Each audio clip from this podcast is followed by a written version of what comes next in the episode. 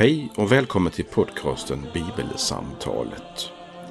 I den här podden ska vi försöka göra det som titeln utlovar, nämligen samtala om texter från Bibeln. Vår tanke är att varje vecka dela ett samtal om den text från något av evangelierna i Nya Testamentet som är särskilt aktuell den kommande söndagen. Fokus är just samtalet. Kanske kan det inspirera fler till att samtala om bibeltexter. Välkommen att vara med i samtalet på något sätt. Vi som gör den här podden det är Fredrik Borglin, kommunister i Istorps pastorat och Karl Magnus Adrian, präst bland annat tidigare i just Istorps pastorat. Välkommen att vara med. Idag handlar texterna om det som är rubriken på den fjärde söndagen efter trettonde dagen, nämligen Jesus är vårt hopp. Och jag ska läsa från Matteus kapitel 14 från vers 22. Jesus befallde sina lärjungar att stiga i båten och fara i förväg till andra sidan sjön medan han skickade hem folket. Så snart han hade gjort det gick han upp på berget för att vara för sig själv och be. Där var han ensam när det blev kväll. Båten var då redan långt från land och kämpade mot vågorna eftersom det var motvind. Strax före gryningen kom han till dem gående på sjön. När lärjungarna fick se honom gå på sjön blev de förskräckta och trodde att det var en vålnad, och de skrek av rädsla. Men genast talade Jesus till dem och sa Lugn, det är jag, var inte rädda.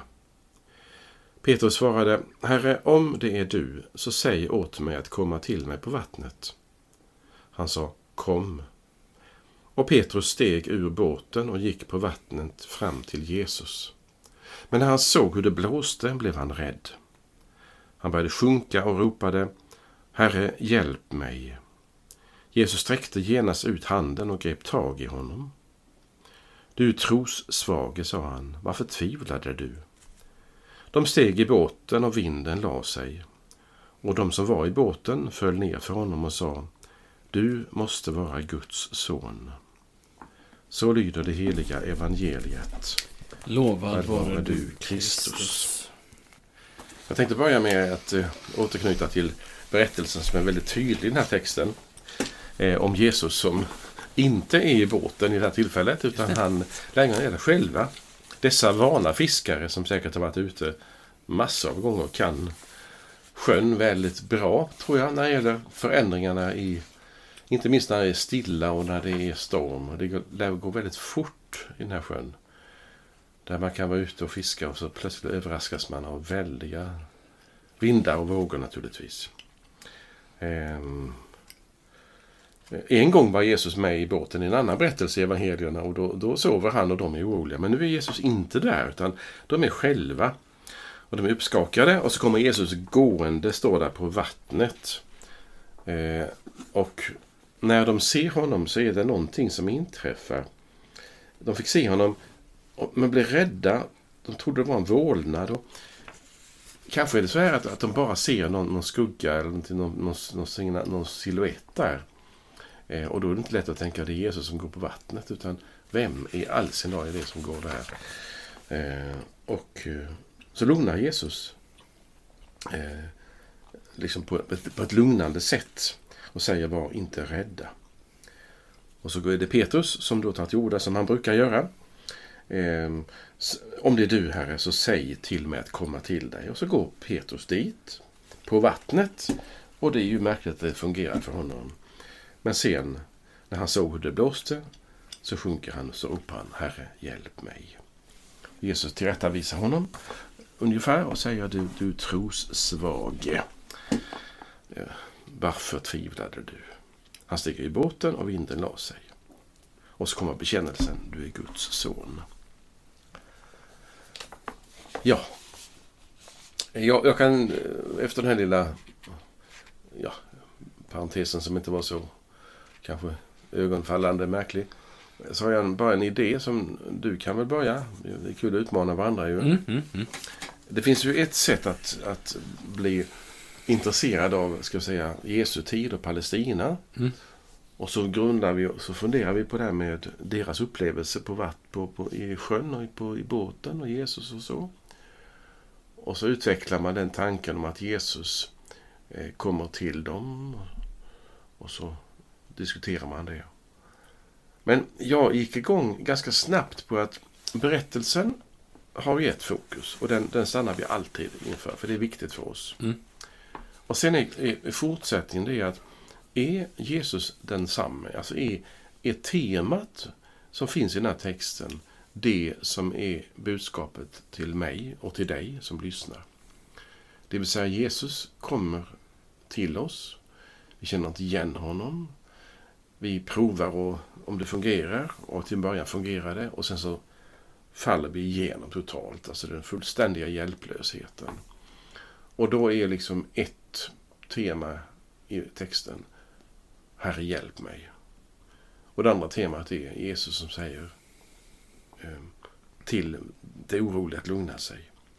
Men att grejen är att på något vis så, så säger den här texten till mig att den Jesus som kom till Petrus och de andra lärjungarna, han är hos mig, han är hos dig. Det är liksom budskapet i Mm. detta. Och att vi ska komma dit och, och få tro på det. Så sysslar vi ibland med texten, ska vi säga, ytskikt. Mm. Nu tänker jag inte på vatten som yta, utan Mm. jag tänker på texten har ett ytskikt som definitivt inte är oviktigt. Mm. Eh, Men, men den har alltså, som vi har sagt många, många, många bottnar. Och en botten är använd namnet Jesus och ropa på honom, för han är också densamme idag. Eh, Går du direkt eh, från den här berättelsen, söndagsskolberättelsen kan man säga, Mm. till tillämpning? Eller hur, hur har dina tankar gått när du har tänkt på texten till idag? Det är ju lätt att tänka att... Eller det är lätt att, det ska jag inte säga att det är. Eh, Jag har tänkt så här, så ska jag säga istället. Eh, Att när både i den här eh, Både i den här berättelsen, när det handlar om, när vi läser mot slutet, de steg i båten och vinden lade sig. Det vill säga det finns inget, det finns inget uttalat samband mellan att vinden lägger sig och Jesus kommer så att säga kommer in i båten. Eh, mer än att det sker ungefär samtidigt. Jesus talar inte till stormen, vilket han gör den gången då han är med i båten från början. okej. Så att säga. Eh, men det, det är ändå, jag, jag tycker ändå att det, det, det, det är lätt att göra den här kopplingen liksom att när, när det stormar i, i, liksom, i, i alla bemärkelser så att säga. Eh, då eh, då blir, det på, då blir det påtagligt och då kommer han. Och det, eh, sen, sen kan jag tänka så här, vad är det stora här? Jag, jag kommer ofta till bibeltexter, inte minst då inför en söndag. Eh, och så funderar jag så här, vad har den här texten, om vi nu tänker att nej, men, evangeliet har en särskild roll och det är of, ofta är det man kanske eh, Ja, men man, man, vi, man står, vi står ju uppe i kyrkan liksom, när man läser evangeliet och, och, och ofta försöker man säga någonting utifrån den kanske i första hand men Ibland fastnar jag i det här Ibland är det väl nog bra kanske Ibland är det kanske mindre produktivt Vad har den här texten med det här temat att göra? Aha, Förstår du vad jag menar? Med tema för söndagen? Ja men precis Ja, men det är ju sekundärt. Ja, jo det är det ju absolut. Eller? Abs- Jo men det är det. Men jag tänker så här, vad är det, vad är det som är hoppet? Vad är det så att säga, starkaste uttrycket för hoppet i den här texten? Det spinner jag vidare. Du går ofta lös på det? Eh, Ja, jag, jag, i alla fall gör jag det just nu i alla fall. Okej, men min fråga var inte det. Nej, okej, nej. Men du får gärna ta upp det senare igen. Ja, ja, nej men Utan, ställ din fråga igen. Går du ofta för, direkt från en konkret berättelse? Nu kallar jag det för söndagsskolberättelse eftersom Mm. den är så lätt att hänga, hänga med på. Ja, ja. Går du direkt därifrån för dig själv till denna texten talar till mig och säger Karl Magnus Fredrik ropa till Jesus, han är hos dig. Eller går du liksom omvägar? Hur, hur, hur gör du? För det är ju, när vi nu sitter och samtalar här och, och det kanske är någon som lyssnar som tycker att det vore kul att samtala med bibel, om bibeltexter, inte bara med, med några präster utan med vem som helst. Mm. Men, men hur går du och jag som har jobbat med texter ett tag, hur går våra tankar? Inte nu när du ska göra en, skriva en predikan. Nej, nej, nej, du med för, för, för nej. Utan när du läser en sån här berättelse. Hur fungerar din hjärna och dina känslor när du ser det här? Förstår du min fråga? Mm, ja, ja, absolut. Eh, jag tror att jag ofta går till den här eh, till den här poängen.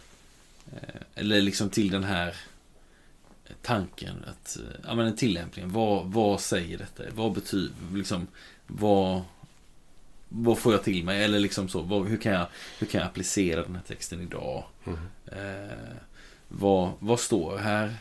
Eh, vad står här inte? Alltså sådär, alltså... Men om du, om du svarar så Ja, eh, tydligt för mig. ja. var det tydligt? Ja, väldigt tydligt. Ja, tack. Då, då kan jag vara tydlig tillbaka. Mm. Vad är det som direkt går igång hos dig Mm. i den här texten då? Mm.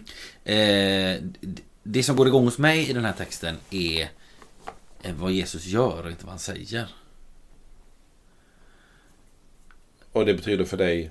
Eh, att hoppet i den här texten det, om jag letar efter det, det, gör, ja, men det är inte bara för att Jesus är vårt hopp i överskriften en viss Alltså- utan det är för att, utan det är för att eh, jag tänker att nej, men det måste ju finnas, det måste ju finnas spår av hoppet i varje bibeltext. Och vad är då hoppet i den här texten? Ja, vad är det då? Ja, då skulle jag säga att det är inte att Jesus säger var inte rädd, utan att det är han, att han kommer gående över vågorna. Till dig? Ja. Det vill säga konkret hos dig? Eh, Det vill säga konkret hos mig, det hjälper mig att se att han verkligen är mitt hopp. Eh, Hade han inte ens kunnat gå på vattnet hade han ju inte varit mycket till världsfrälsare. Mm. Eh, Men klarar han det så blir det ju också ett tecken Mm. för mig att tänka att, att han kan göra skillnad i mitt liv också. Mm. Gör han det? Eh, Det gör han definitivt. Mm. För jag tycker med den frågan är så... Jag ska ta en bakgrund. Ja. eh, Om du är okej? Du- ja. absolut. Ehm, ibland är det så att den som inleder pratar för mycket. Men då får, då får den andra sätta en pinne i hjulet ju. Eller så får man starta en annan motpodd. Ja. Kan man också. Jag hade för många år sedan en person som jag lyssnade på ganska ofta när jag var ung. Mm. Eh, både, sen när jag var äldre träffade jag honom också. Och han sa någonting som jag tänkt på ibland och det är att ett krux för oss predikanter det är att vi ser en text direkt och så funderar vi på tillämpningen i församlingen eller, eller predikan eller texten vi ska skriva. Eller någonting sånt. Eh, Eh, och så fungerar vi för att vi är liksom orienterade på att snabbt komma in och hitta ett budskap som, är, som kan vara tillämpbart. Och då, då glömmer man ibland det här, ska vi säga, kalla det för den personliga bönen. Gud kom du med din heliga Ande och säg till mig hur du vill, vad du vill ge mig i detta. Så att jag blir indragen. Inte till att bli en duktig person som kan förstå det hela och allt möjligt runt omkring hän- händelserna. Hur mycket stormar det egentligen? Hur 32 sekundmeter Mm. har jag läst på en blogg och sådär. Hallå, nej vi är inte där nu. Utan nu, nu menar jag det finns ett annat sätt att se. Och det är det som jag tror att jag gissar att när vi predikanter talar, predikar eller på olika sätt så är människor eh, kanske imponerade av den kunskapen som du, som du besitter. Men de glömmer det väldigt snabbt och frågar egentligen bara efter en sak. Finns det något hopp för mig i detta Mm. som händer? Mm. Och har jag då som predikant liksom lagt mig på en annan bog Mm. då ska jag vara intressant för dem. Mm. Då säger de, ja det var väl duktigt av dig Karl Magnus, men förstår du inte att det är inte det det handlar om egentligen för mig. Och då menar jag inte att vi ska släppa det här ytskiktet med texten och sanningsfrågorna och sånt där. Nej. Men, men tilltalet är så spännande för att jag som predikant eh, sitter, kan ju sätta mig i bänken istället och tänka efter. Vad får jag ut av denna min predikan? Mm. Och det var ju grunden till min fråga. Mm. Vad händer predikanten Fredrik Borglin Ja. när han ser den här texten? Du har, du har ju svarat på den. Mm. Så du, du kan glömma det om du vill. Nej, men jag, tror, jag, jag håller med dig i det du säger, för jag tror att det finns en risk. Och så kan det ju vara också för andra personer som, eh, låt säga, eh, jag leder en söndagsskola eller jag... Ja, nej, men det kan ju vara eh, många människor, liksom, att man, det finns en risk att man går till texten som ett arbetsredskap mer än som ett tilltal Ja, det är från min jag far. Liksom. Och, Och- ja, Och, ja. och då tänker jag att, och då kan man tänka så här, men hur skulle man då kunna, eh, hur skulle man då kunna motverka det? För jag tänker att det är någonting ändå någonting dåligt om jag bara börjar se på, på, på ordet som någon slags, ja, det är ett jobbredskap ungefär som en skiftnyckel för en bilmekaniker liksom. Eh, och då, då tänker jag att det, det, det för mig så tänker jag så här att nej men det är ju inte eh, Jag ska aldrig någonsin göra skillnaden eh, På mitt eget inre liv och, och andra människors Större än vad det måste vara Mhm. Förstår du? Eller var det o- Kanske.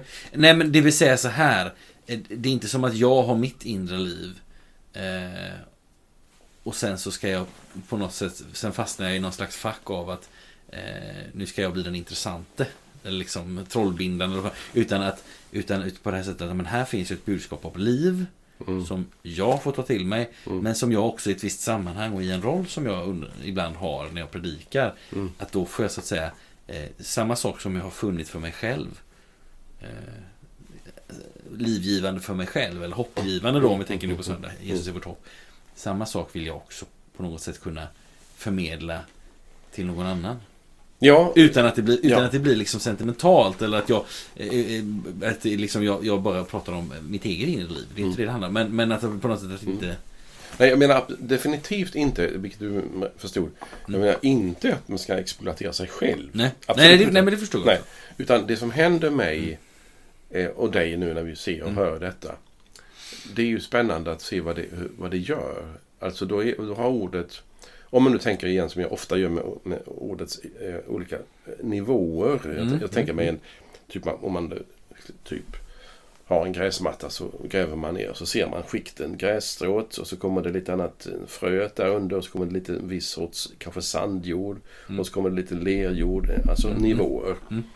Och då, då, då är ju allt, menar jag, levande för oss som, som ofta lever i ordet. Att ordet har väldigt många saker. Och, och en del som vi håller på med det är ju ytan. Alltså vi, vi bör, man bör ju kunna lite grann om händelserna. Man bör ju upptäcka att det, det är en händelse som har inträffat. Men man struntar inte i, i det som är det faktiska. Nej.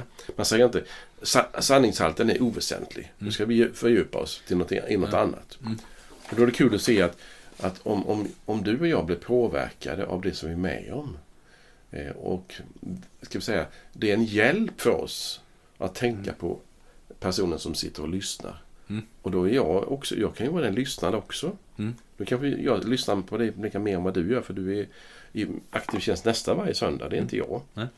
Eh, Så det är kul. Men vi ska inte prata om, om, om funktionen i kyrkan, gudstjänsten. Men jag fick, jag fick eller avbryter jag nu? Nej, nej, nej. För jag, en sak som jag tänker är, eh, som slog mig nu, eller liksom det kom, det kom upp här nu, det är det här också att när man då sam, och det är också när man samtalar om Bibeln tillsammans, eh, inte bara att vi två sitter här och någon eventuellt lyssnar, utan också detta att när man, när man samlas, vi har bibelstudium, och så läser vi en text och så ställer man kanske en, sån här, en allmän fråga, så här, vad fastnar du för i den här texten? Frågar man Kalle och Lisa och, och Jonathan, eller vad, vad, ni, ni hittar på några namn bara.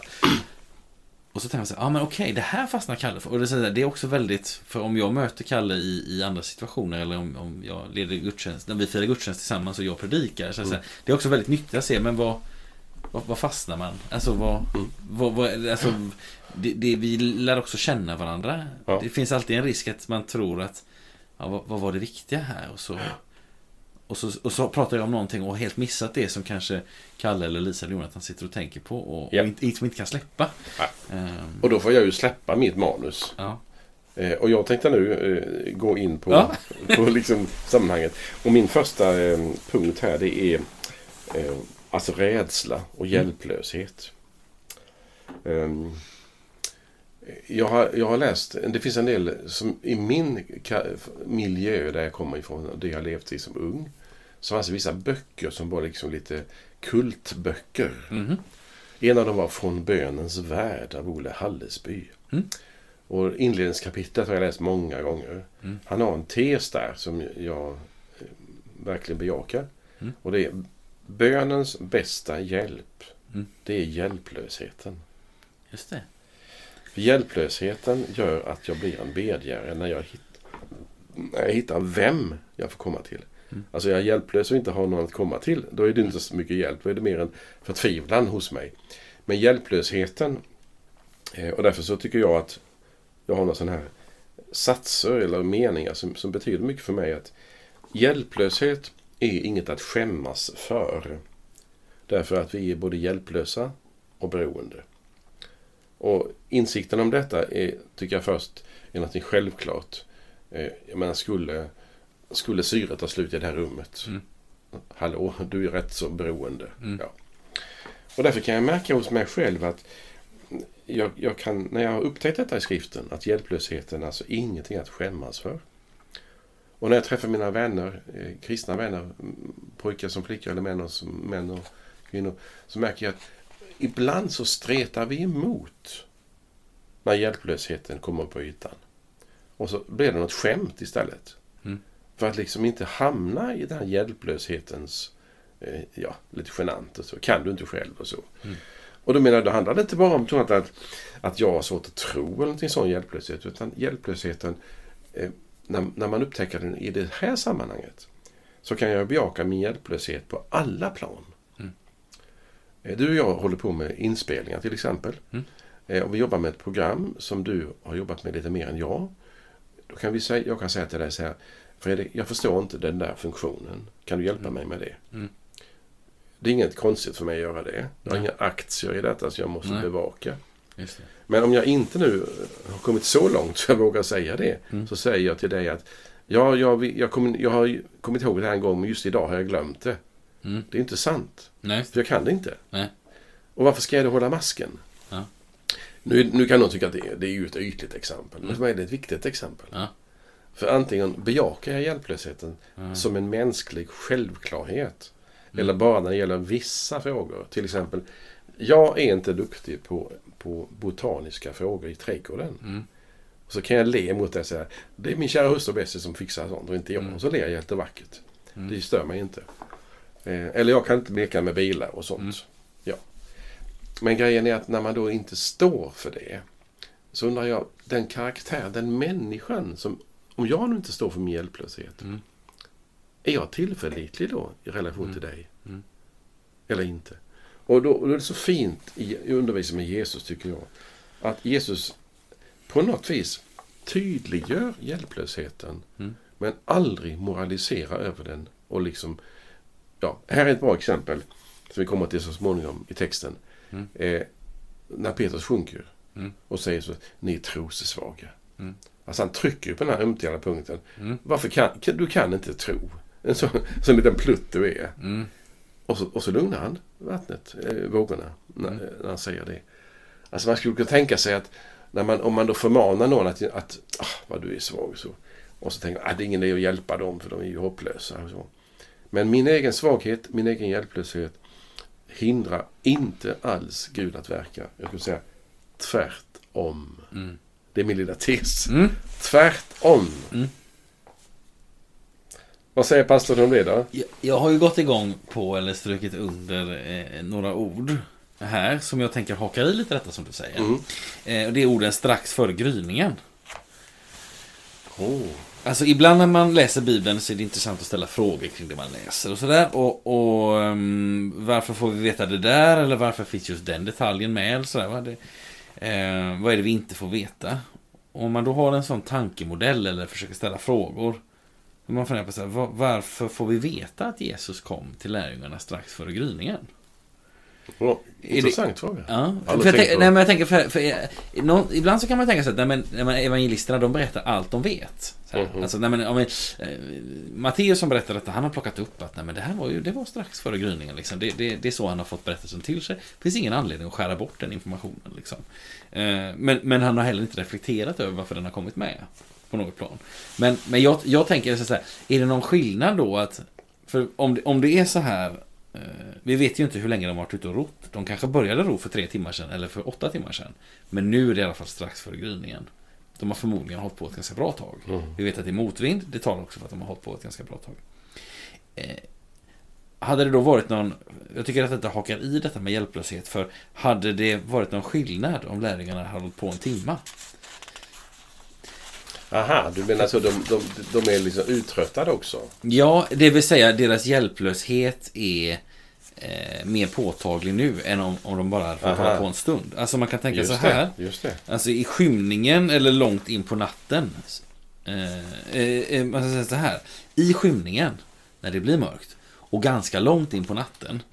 Så försöker, i, i, och nu förstår jag att det är någon slags överförd bemärkelse här. Så försöker ju vi människor gärna själva. Vi människor går ju in i ett så kallat kan själv-stadium. Mm. När vi säger kan själv, kan själv.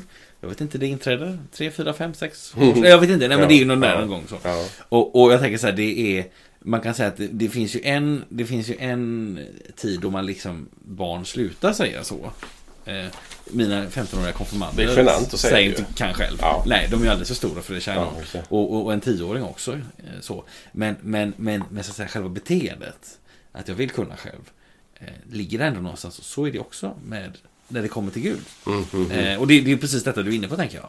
Ehm, jag tänk, på något sätt så i det här strax innan gryningen så vill jag se det här att lärjungarna de var liksom tvungna att kunna själv hela natten. Eh, innan de var mottagliga för Jesu hjälp. Ja, men det är spännande. Ja. För att det, det handlar ju om mycket av det som, som jag tycker berörs i olika andliga vägledningstraditioner. Mm.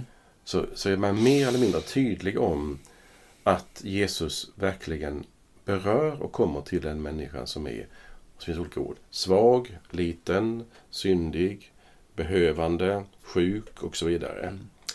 Eh, och det är ju uppenbart att det är så i evangelierna. Mm.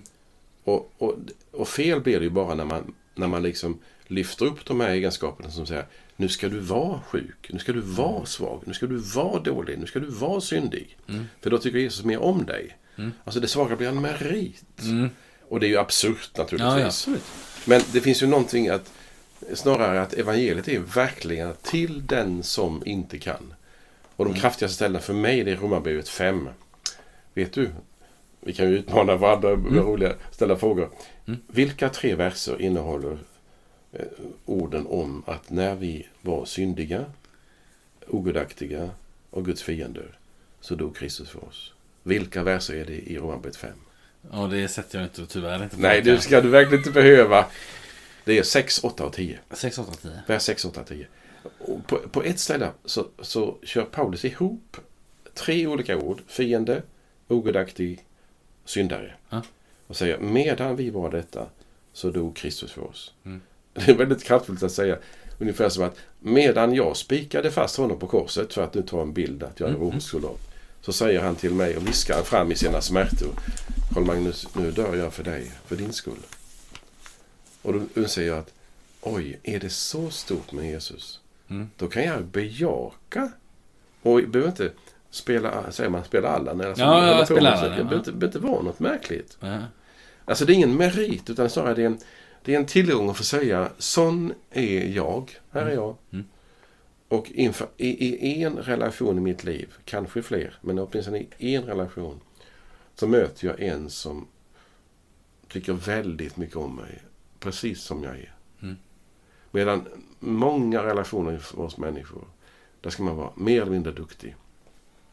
Och jag blir så, jag blir så ledsen ibland för det. Mm. Varför kan vi inte lägga ner? Och då har jag en fråga till dig. Mm. Det finns ett, ett ordspråk eller en, en tes som, jag, som inte jag har hittat på. Och den är så här. Det krävs mod för att visa att man är rädd. Mm. Vill du kommentera den? Är det, är det sant? Passar det in i detta sammanhanget? Alltså du behöver inte... Jo, men jag, nej, jag, jo, jag, jag, vill, jag vill fundera på den här. Eh, det, det, jag tänker att som... Jag tänker att nu, nu är det två frågor i mitt huvud här. Och då är den första frågan så här. Eh, håller jag med om tesen? Ja, just, just Eh, det. och, och, Fundera på det. eh, och, och det, det tänker jag att det gör. Ibland så har vi någon slags bild av att mod, det är liksom att, det är liksom att eh, uppsöka faran. Eh, Aha, för att visa att man klarar av det. Ja, ungefär. Va? Aha. Och jag tänker att nej, men det, det, det är i alla fall inte det modet som jag, tän- som jag tänker är det vi pratar om här. Eh, så att jo, i någon mån att liksom jag, jag tycker mig ha hört liknande deviser. Alltså, eh, eh, man behöver vara stark för att kunna visa att man är svag eller sådär. Alltså, Ja, det är samma sak, Det, ja. det, det, det, Ja. det är väldigt Ja. närbesläktat. Och jag, jag är benägen att säga att absolut. Eh, så är det. Det är, det är stort att höra någon tänk. Eh, låt säga att man skulle söka upp en människa, kanske en en mentor eller en chef, eh, en ledare på något sätt och, så, och kanske ha en, en, en fråga. Och då vill man gärna ha svar. Eh, och gärna vill man ha ett jättebra svar så allt faller på plats. Mm, mm. Eh, och, och, så, och så leker vi nu med tanken att den ledaren då, eller mentorn eller vad det nu kan vara, herden säger så här att "Nej, jag vet faktiskt inte, jag tycker att det är så svårt. Det är ju väldigt stort att kunna säga det. Då faller ju alla masker. Mm. För blir man uppsökt i den rollen då vill man ju gärna verka som den eftertänksamma och kloke och, och så. Men, men och det är ju, stort att kunna säga att "Ja, jag vet inte eller "Ja, jag är osäker på detta. Eller, alltså det, det tycker jag, det, det, är, det är häftigt tycker jag. När man får med om sånt. Och det, det, det, det tycker jag att din tes be- bevisar. Eller, det, det, liksom, eller sagt så här. Jag kan inte bevisa den, jag kan bara hålla med om den. Men, sen undrar jag, Ser du den här devisen också i våra text idag? Ja, alltså. Det som, det som gör att jag fastnar vid detta, det, är, ju- det handlar om det som... Jag ska bara ta, hänvisa till texten ett ögonblick. Alltså eh, Petrus eh, ber att Jesus ska kalla på honom. Mm. Och så går han Mm. på vattnet. Ja, men. Och så står det. När han såg hur det blåste blev han rädd Mm. och började sjunka. Och då ropade han Herre hjälp mig. Och så tar Jesus ut handen och griper tag i honom och så säger han du trossvaga varför tvivlar ni? De steg i båten, alltså bägge två. Mm. Och så la sig vinden i sammanhanget. Då är det någonting som handlar om tro och trosstyrka, trossvaghet. Och det kan jag lugnt säga, det förstår inte jag. Nej. För vad är det som händer när Petrus... Det, det enda som jag tycker texten är tydlig med, att när Petrus ser blåsten, Mm. så blir han rädd. Alltså rädslan kommer av det faktum att någonting hotar mig. Mm. Och då kan man säga, är då poängen att inte vara rädd? Det vill säga det som jag hade nu som är viktigt ord som jag höll på med några minuter nu. Är det precis tvärtom vi ska tänka om detta? Du ska inte vara svag. Du ska inte vara rädd. Du ska inte... eh, Utan du ska snarare när du ser vågorna så ska du bara säga Jesus hjälper mig, han är min frälsare. Inga svårigheter. Ja, det finns en antydan i texten om att rädslan är ett bekymret. Det vill säga, våga inte, våga, visa inte dig rädd. Men, då kryper jag in bakom Petrus eh, möjliga tröjor eller vad han har på sig och säger han blir ju rädd för blåsten och för vågorna. Och där startar min lilla reflektion. Därför att där känner jag igen mig. Mm. Jag hade, alltså om Jesus säger gå på vattnet Carl Magnus, så skulle jag säga Ja, jag, jag vill inte kommentera det. Det här kan hända att jag hade gjort. Och nu är jag ju ut, ursäkta, lite självupptagen. Men, men sen när jag, när, jag går, när jag ser nöden eller problemen komma. Då blir jag rädd. Och jag undrar, vad gör jag med min rädsla? Och vad gör Petrus med sin rädsla? Han sjunker. Det vill säga, det blir ännu värre. I båten var det ändå så att han in, de inte sjönk. De var ju i båten, alla dessa lärjungar. Och nu på vattnet så är det ju värre för honom. Han börjar sjunka när han blir rädd för vågorna. Och då tar Jesus liksom tag i honom. Eh, Och då menar jag att det som, är, som, som jag är igång på, och du, det, med rätta kan du ställa frågan, är det en poäng i texten? Nej, eh, hjälplöshet är inte poängen, men den mänskliga hjälplösheten är så uppenbar i texten. Och fast Jesus säger du trossvage, så säger jag, om jag hade varit Petrus, jag kan inte annat än bli rädd Jesus. Så liten tro har jag.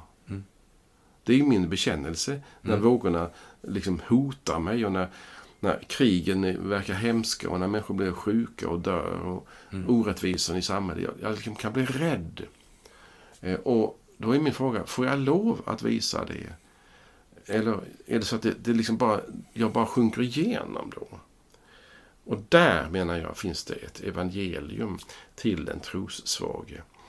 Eh, Men med rätta, så, som du sa, att det är ju inte uppenbart så att det är själva centrum kring vilken allt rör sig. Nej. Utan det är att Jesus griper in Mm. hoppet. Men någonstans här så ligger det ju, för man, man tänker så här, men som du lyfter fram här, så här, men när han såg hur det blåste blev han rädd. Han började sjunka och ropade. Eh, alltså, någonting, det blir någon slags avbrott i det här. Petrus har sett Jesus, Herre om det är du, säg åt mig och så vidare. Och så ser han hur det blåser och så tänker jag så här, de har ju ändå kämpat emot vind hela natten. Ja, Det kan ju inte vara... Alltså, det var ingen ny information för honom att... Eh, alltså det var ingen ny information för Petrus att Hallå, eh, det var dåligt. Ja, det var visst lite dåligt väder också. Det är ju det är liksom själva... Det är ju själva ramen för hela berättelsen är att de har kämpat Ja, ja. länge och väl och det är strax innan gryningen och det är motvind och de sliter och så. Eh, men på något sätt så, ja, eh, han har, han har lämnat, men han har ändå lämnat den här guppande tillvaron och, och är nu he, mycket mer utlämnad. Och där någonstans så är det så att säga, det modet som får honom att ändå gå ur båten måste ju vara besläktat med det som får honom att säga Herre hjälp mig. Jesus tron alltså. Ja, kan man säga. precis. Ja.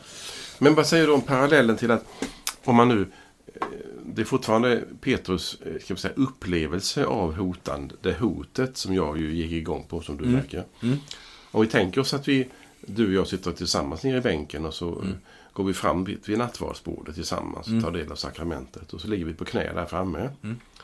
Och det skulle vara så, jag hittar bara på en rollspel nu, att, att eh, jag tycker det är fantastiskt och tackar Gud för att jag får vara så nära och uppleva den sakramentala glädjen. Och, till, och, och, och du går ner med mig och sätter du dig i bänken hos mig och så, så slår du mig i sidan lite nätt och så viskar du mitt öra. Så igen, jag är jätterädd för allt det som händer omkring mig nu. Mm. Så svarar jag, men du är väl inte rädd nu när vi har fått sakramentet, Mm. Fredrik? Eller hur? Ja. Nu är det mest heliga vi har varit med om. Ja. Du är väl inte rädd nu? Men Petrus, när han går där med Jesus, så, så tar rädslan överhanden Mm. över liksom Jesus tron. Mm. Ja, det är bara ett begrepp som jag använder just i det här ögonblicket. Mm. Eh, och då säger Jesus ungefär, det finns ju en, kan säga, fostrande tal i Jesus. Mm. Man skulle kunna tänka, se på mig Petrus, Mm. inte på vågorna. Ja. Alltså se på mig. Mm. Och det har hjälpt mig mycket också att tänka att det finns det tilltalet, se på Kristus, alltså upptäck honom. Eh, Inte ner med blicken. Inte ner i naveln. Nej. Stirra inte blind på dina synder och din dumhet. Utan lyft blicken på Kristus. Det, är liksom, det, det är rådet han ger, är det inte det? Mm. I texten. Jesus alltså, till Petrus. Fast han säger inte så, se på mig. Nej, precis. Han, han säger inte det. Men... Nej, men man anar ju det. Nej, men, precis, men det finns ju där, absolut. Mm. Eh, jag, jag drar, alltså, när vi är inne på detta nu, eh, så går jag i, eller liksom, så jag vill göra en koppling också till en annan bibelberättelse som, har ett, som jag tycker har ett liknande budskap. Eller som, har, som befinner sig i en, ja, det finns släktskap mellan dem. Eh, det finns en liknande bild tycker jag när Jesus möter några av sina blivande lärjungar för första gången. Mhm. I Lukas 5. Eh, lärjungarna har varit ute och fiskat hela natten. Får vi veta där. Mhm. Och så händer något följande. Jag ska bara läsa några verser från Lukas evangeliet kapitel 5. En gång när Jesus stod vid Genesaretsjön och, t- och folk, folket trängde på för att höra Guds ord fick han se två båtar ligga vid stranden. Fiskarna hade gått ur för att skölja näten. Han steg i den ena båten som tillhörde Simon, ja det är alltså Petrus då, och bad honom att ro ut ett litet stycke. Sedan, så, sedan satte han sig ner och eh, undervisade folket från båten. När han hade slutat tala sade han till Simon Ro ut på djupt vatten och lägg ut näten där. Simon svarade Mästare, vi har hållit på hela natten utan att få någonting. Men eftersom du säger det ska jag lägga ut näten. Och de gjorde så och drog ihop en väldig mängd fisk. Eh, jag ser den här, den här li- liknelsen, eller liksom den här kopplingen i att de hade också hållit på hela natten. Mhm. Eh, och, det var, och det var först då som Jesus kom, kunde komma med sina fisketips, så att säga. Eh, det, det är märkligt och, och Nu är Jesus Guds son, men det vet ju inte Simon Petrus vid det här tillfället. Eh, han var mottaglig vid fisketips först när han förstått att det här är någon, någon särskild människa. Och det kul att, bara en parentes. Ja. Du, du läser från Lukas 5. Ja, Och här, här är ju bekännelsen till slut. Ja. Detta måste vara Guds son. Alltså, sakta upptäcker de ju. Guds, eller Jesu gudomlighet. Men, men inte från början. nej. Och, och, eh, och, men Jesus har undervisat människor från båten och så säger han så här, men om du, eftersom du säger det ska jag lägga ut nätet. Det vill säga, hade jag kommit gående på sjön och sagt Petrus kom ut här så hade Mm. han inte, nej, utan det handlar också om vem det handlar också om vem det är Petrus går ut emot. Mm. Ibland så har jag läst, man tänker så här, vad, vad rör sig i Petrus inre? Eh, nu är vi alltså tillbaka i, i, i I vår text idag, ja. Mm. Eh, här, vad, vad rör sig hans inre? För ibland så finns det ju väldiga... Om man tänker på personen Petrus så finns det ju ibland sådär... Eh, han lovar mycket. Han lovar runt. Han håller ganska tunt. Han säger om, om så alla de andra överger dig så ska jag aldrig överge, jag ska dö med dig och jag är beredd och, och så och så förnekar han honom och så vidare. Ehm, och det finns många fler exempel. Ehm, och, och ibland har jag läst det här att Petrus då vill komma ut eh, till Jesus. Jag har läst det, för det som, man kan säga så här, på ett sätt är ju det här, vad händer i texten då? Det är på ett sätt ett, alltså, det är på ett sätt någonting väldigt, det är på ett sätt en framgång i texten så tillvida att det slutar med att de som var i båten föll ner från honom och sa du måste vara Guds son. Alltså här har ju någonting hänt. Eh, nå någonting har fått växa till eller någonting har fått lägga sig på sin rätta plats. Eh, på samma gång är det här ett misslyckande. Petrus säger eh, jag, vill, jag vill komma ut och, och, och, vandra här med dig. Och det tar tre steg och sen upptäcker han att det här, oj då, det här var rätt orimligt. Och det blåser så mycket. Och, och så börjar han sjunka.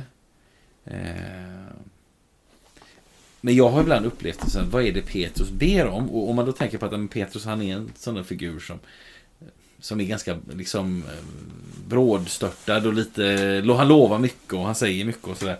Eh, så har jag tänkt ungefär så att, men är det så att Petrus säger att om Ja, herre, om det är du så ge mig samma förmåga. Att om det är du som går på vattnet här nu så gör så att också jag kan gå på vattnet.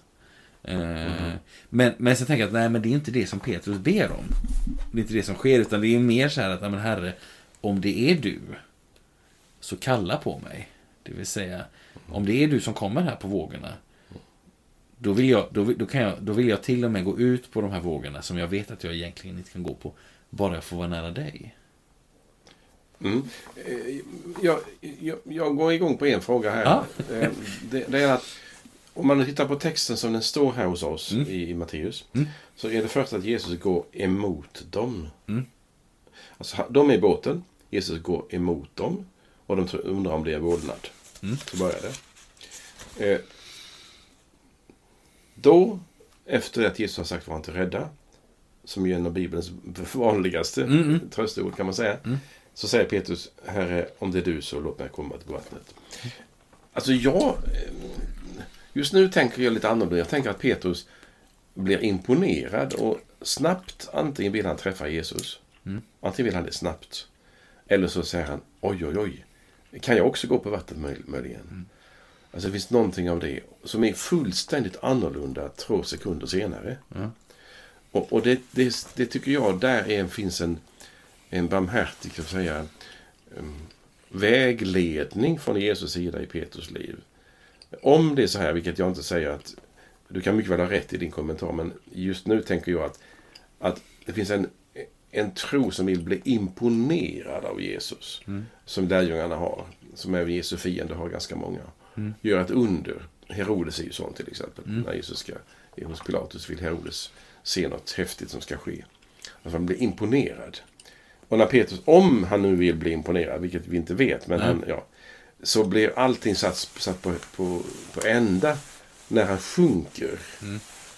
Och då säger han inte Jesus, eh, säg, säg ett ord så ska jag komma till dig. Utan han, han upptäcker att Jesus tar tag om i handen. Mm. Eh, det vill säga ropet från Petrus sida, det är inte jag tror. Mm. Utan det är hjälp mig. Mm. Eh, om han har en stark tro på Jesus, om han är imponerad, om han verkligen vill mycket. Så är den tron slagen till spillror när han sjunker. Mm. Han har ingenting kvar. Han kan inte säga, ja men jag tror på dig ändå, hjälp mig, Tom, eh, säg till att jag kommer upp igen. Utan det står bara att han ropar på hjälp och mm. Jesus tar hans hand. För mig är det alltså en, en, ett dubbelt misslyckande på något vis. Först sjunker han. Mm. Eh, och då försvinner allt det där som möjligen finns i hans iver att vilja komma till Jesus. Mm. Hade han tänkt efter så skulle han aldrig bett om den frågan. För, men jag kan inte gå på vattnet. Men nu kan jag gå på vattnet. Tänk jag kan gå på vattnet. Um, och därför så kan du ana att när jag nu har gått igång på hjälplösheten så mycket i mm, början av mm, vårt mm, samtal idag. Så går jag så starkt igång på ropet. Alltså mm. Kyrie eleison, Kristi mm. eleison, Kyrie eleison i, i gudstjänsten. Som är Jesusbönen i alla tider. Eh, som man, man kallar det för, man har kallat för Jesusbönen. Men den kortfattade ropen om hjälp som finns i så många varianter i evangelierna. Herre hjälp mig, kom innan mitt barn dör, kom till mig min sju, och så vidare. Eh, och, och, tänk då mm. om det finns en, en omognad i sättet att möta människor från oss på den andra. Som i mötet med oron säger till dig Fredrik, kom igen, ta dig i kragen, kom igen, ta dig upp. Alltså de, de utropen som finns så mycket i vårt sammanhang, i vår samtid, eh, talar ett språk där jag inte vågar tro att det finns en hjälp för mig när jag sjunker. Och därför Petrus, om han har en tro på Jesus där, det vet vi ju inte. Vi vet bara att han vet vem man ska be till. Mm. Och där har vi ju Olle Hallesbys första kapitel i hans bok om bönens värld. Mm. Bön, den mesta hjälpen till bön, det är hjälplösheten. Mm. När jag sjunker där så säger jag Herre hjälp mig. Det blir ingenting kvar av jag ska få till det, jag ska klara av det, jag är, har varit med länge, jag kan teologi. Ingenting. Det är bara hjälp mig. Och där upptäcker de vem Jesus är. Mm. Alltså det stora hoppet som är temat som vi sa för den här söndagen. Eh, och därför så, jag vet inte om du tycker om min följande, min fråga som jag inte har berört. Eh, som ligger i detta, annars får du backa tillbaka. Det är, hur ska jag lära mig tro? Hur ska jag lära mig det hoppet som, som är temat idag? Och hur, ska, hur har Petrus lärt sig det? Hur, hur lär jag mig det? Hur lär du dig det? Tycker du om den utmanande frågan eller, eller passar det i dina tankar? Hur, Ja, jag tycker hur lär man sig detta? Jag tycker att det är en utmanande fråga. Och jag tänker att då har det hänt någonting. Om det är som du säger så har det mellan vers 28 Herre, om det är du så säg åt mig att komma till dig. Och vers 30 Herre, hjälp mig. Då har det hänt väldigt mycket. Mellan de båda tillfällena. Ja, kanske. Jag tycker att eh, utifrån, det, utifrån din fråga så kan man säga så här. Vi... Lärjungarna var inte... Lärjungarna umgi, var inte med Jesus i evangeliernas berättelse för att de kände honom. Utan för att de skulle lära känna honom. Mm. Ja. Alltså det är så att säga bibelläsning till exempel och också bön och så här. Det är inte liksom, liksom någonting som man eh, någonting som man börjar med för att man har eh, eh, fått en massa saker av födsel och ohejdad vana. Utan det är också så att säga Gud föreskriver samma medicin för den trostarke och för den tvivlande. Ja. Alltså, vi behöver inte leta. Mm. Utan eh, liksom ordet är levande och verksamt och det, det är det oavsett om jag heter professor Kalkyl eller om jag heter Fredrik eller vem jag än är. Mm. Ja, så att. Gud vill möta mig där. Eh, lärjungarna är ju förbluffande. De är riktiga amatörer. Tänk, då, kan ju, då finns det ju plats för mig också. Ja, Eh, underbart. Det, jag tycker det passar bra med det du sa nu. Att läsa eh, söndagens psaltarpsalm som Ja. avslutning. De ropade till Herren i sin nöd. Han förde dem ut ur deras trångmål. Han stillade stormen och vågorna tystnade. De gladdes när det blev lugnt. Han lät dem nå hamnen de ville till. De ska tacka Herren för hans godhet, hans underbara gärningar mot människor. De ska lovsjunga honom i tempelskaran och prisa honom i de äldres krets. Tack för det här samtalet. Vi har ju samtalat här, du och jag. Kanske någon har varit med oss och lyssnat och blivit inspirerad att fortsätta samtalet där hemma eller var ni än är. Vi säger tack för idag och allt gott. Guds välsignelse. Hej då. hej då.